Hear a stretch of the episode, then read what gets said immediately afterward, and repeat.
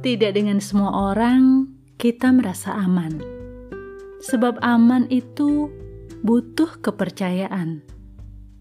Sementara kepercayaan perlu waktu dan pembuktian lewat berbagai peristiwa. Tidak dengan semua orang kita merasa nyaman karena kita tidak cocok dengan caranya. Cocok tidaknya itu pun berdasarkan preferensi kita, bukan melulu karena benar dan salah. Ketika aman dan nyaman belum didapatkan, minimal kita berlaku baik dan sopan. Norma umum yang menjaga masing-masing orang dari prasangka yang bukan-bukan.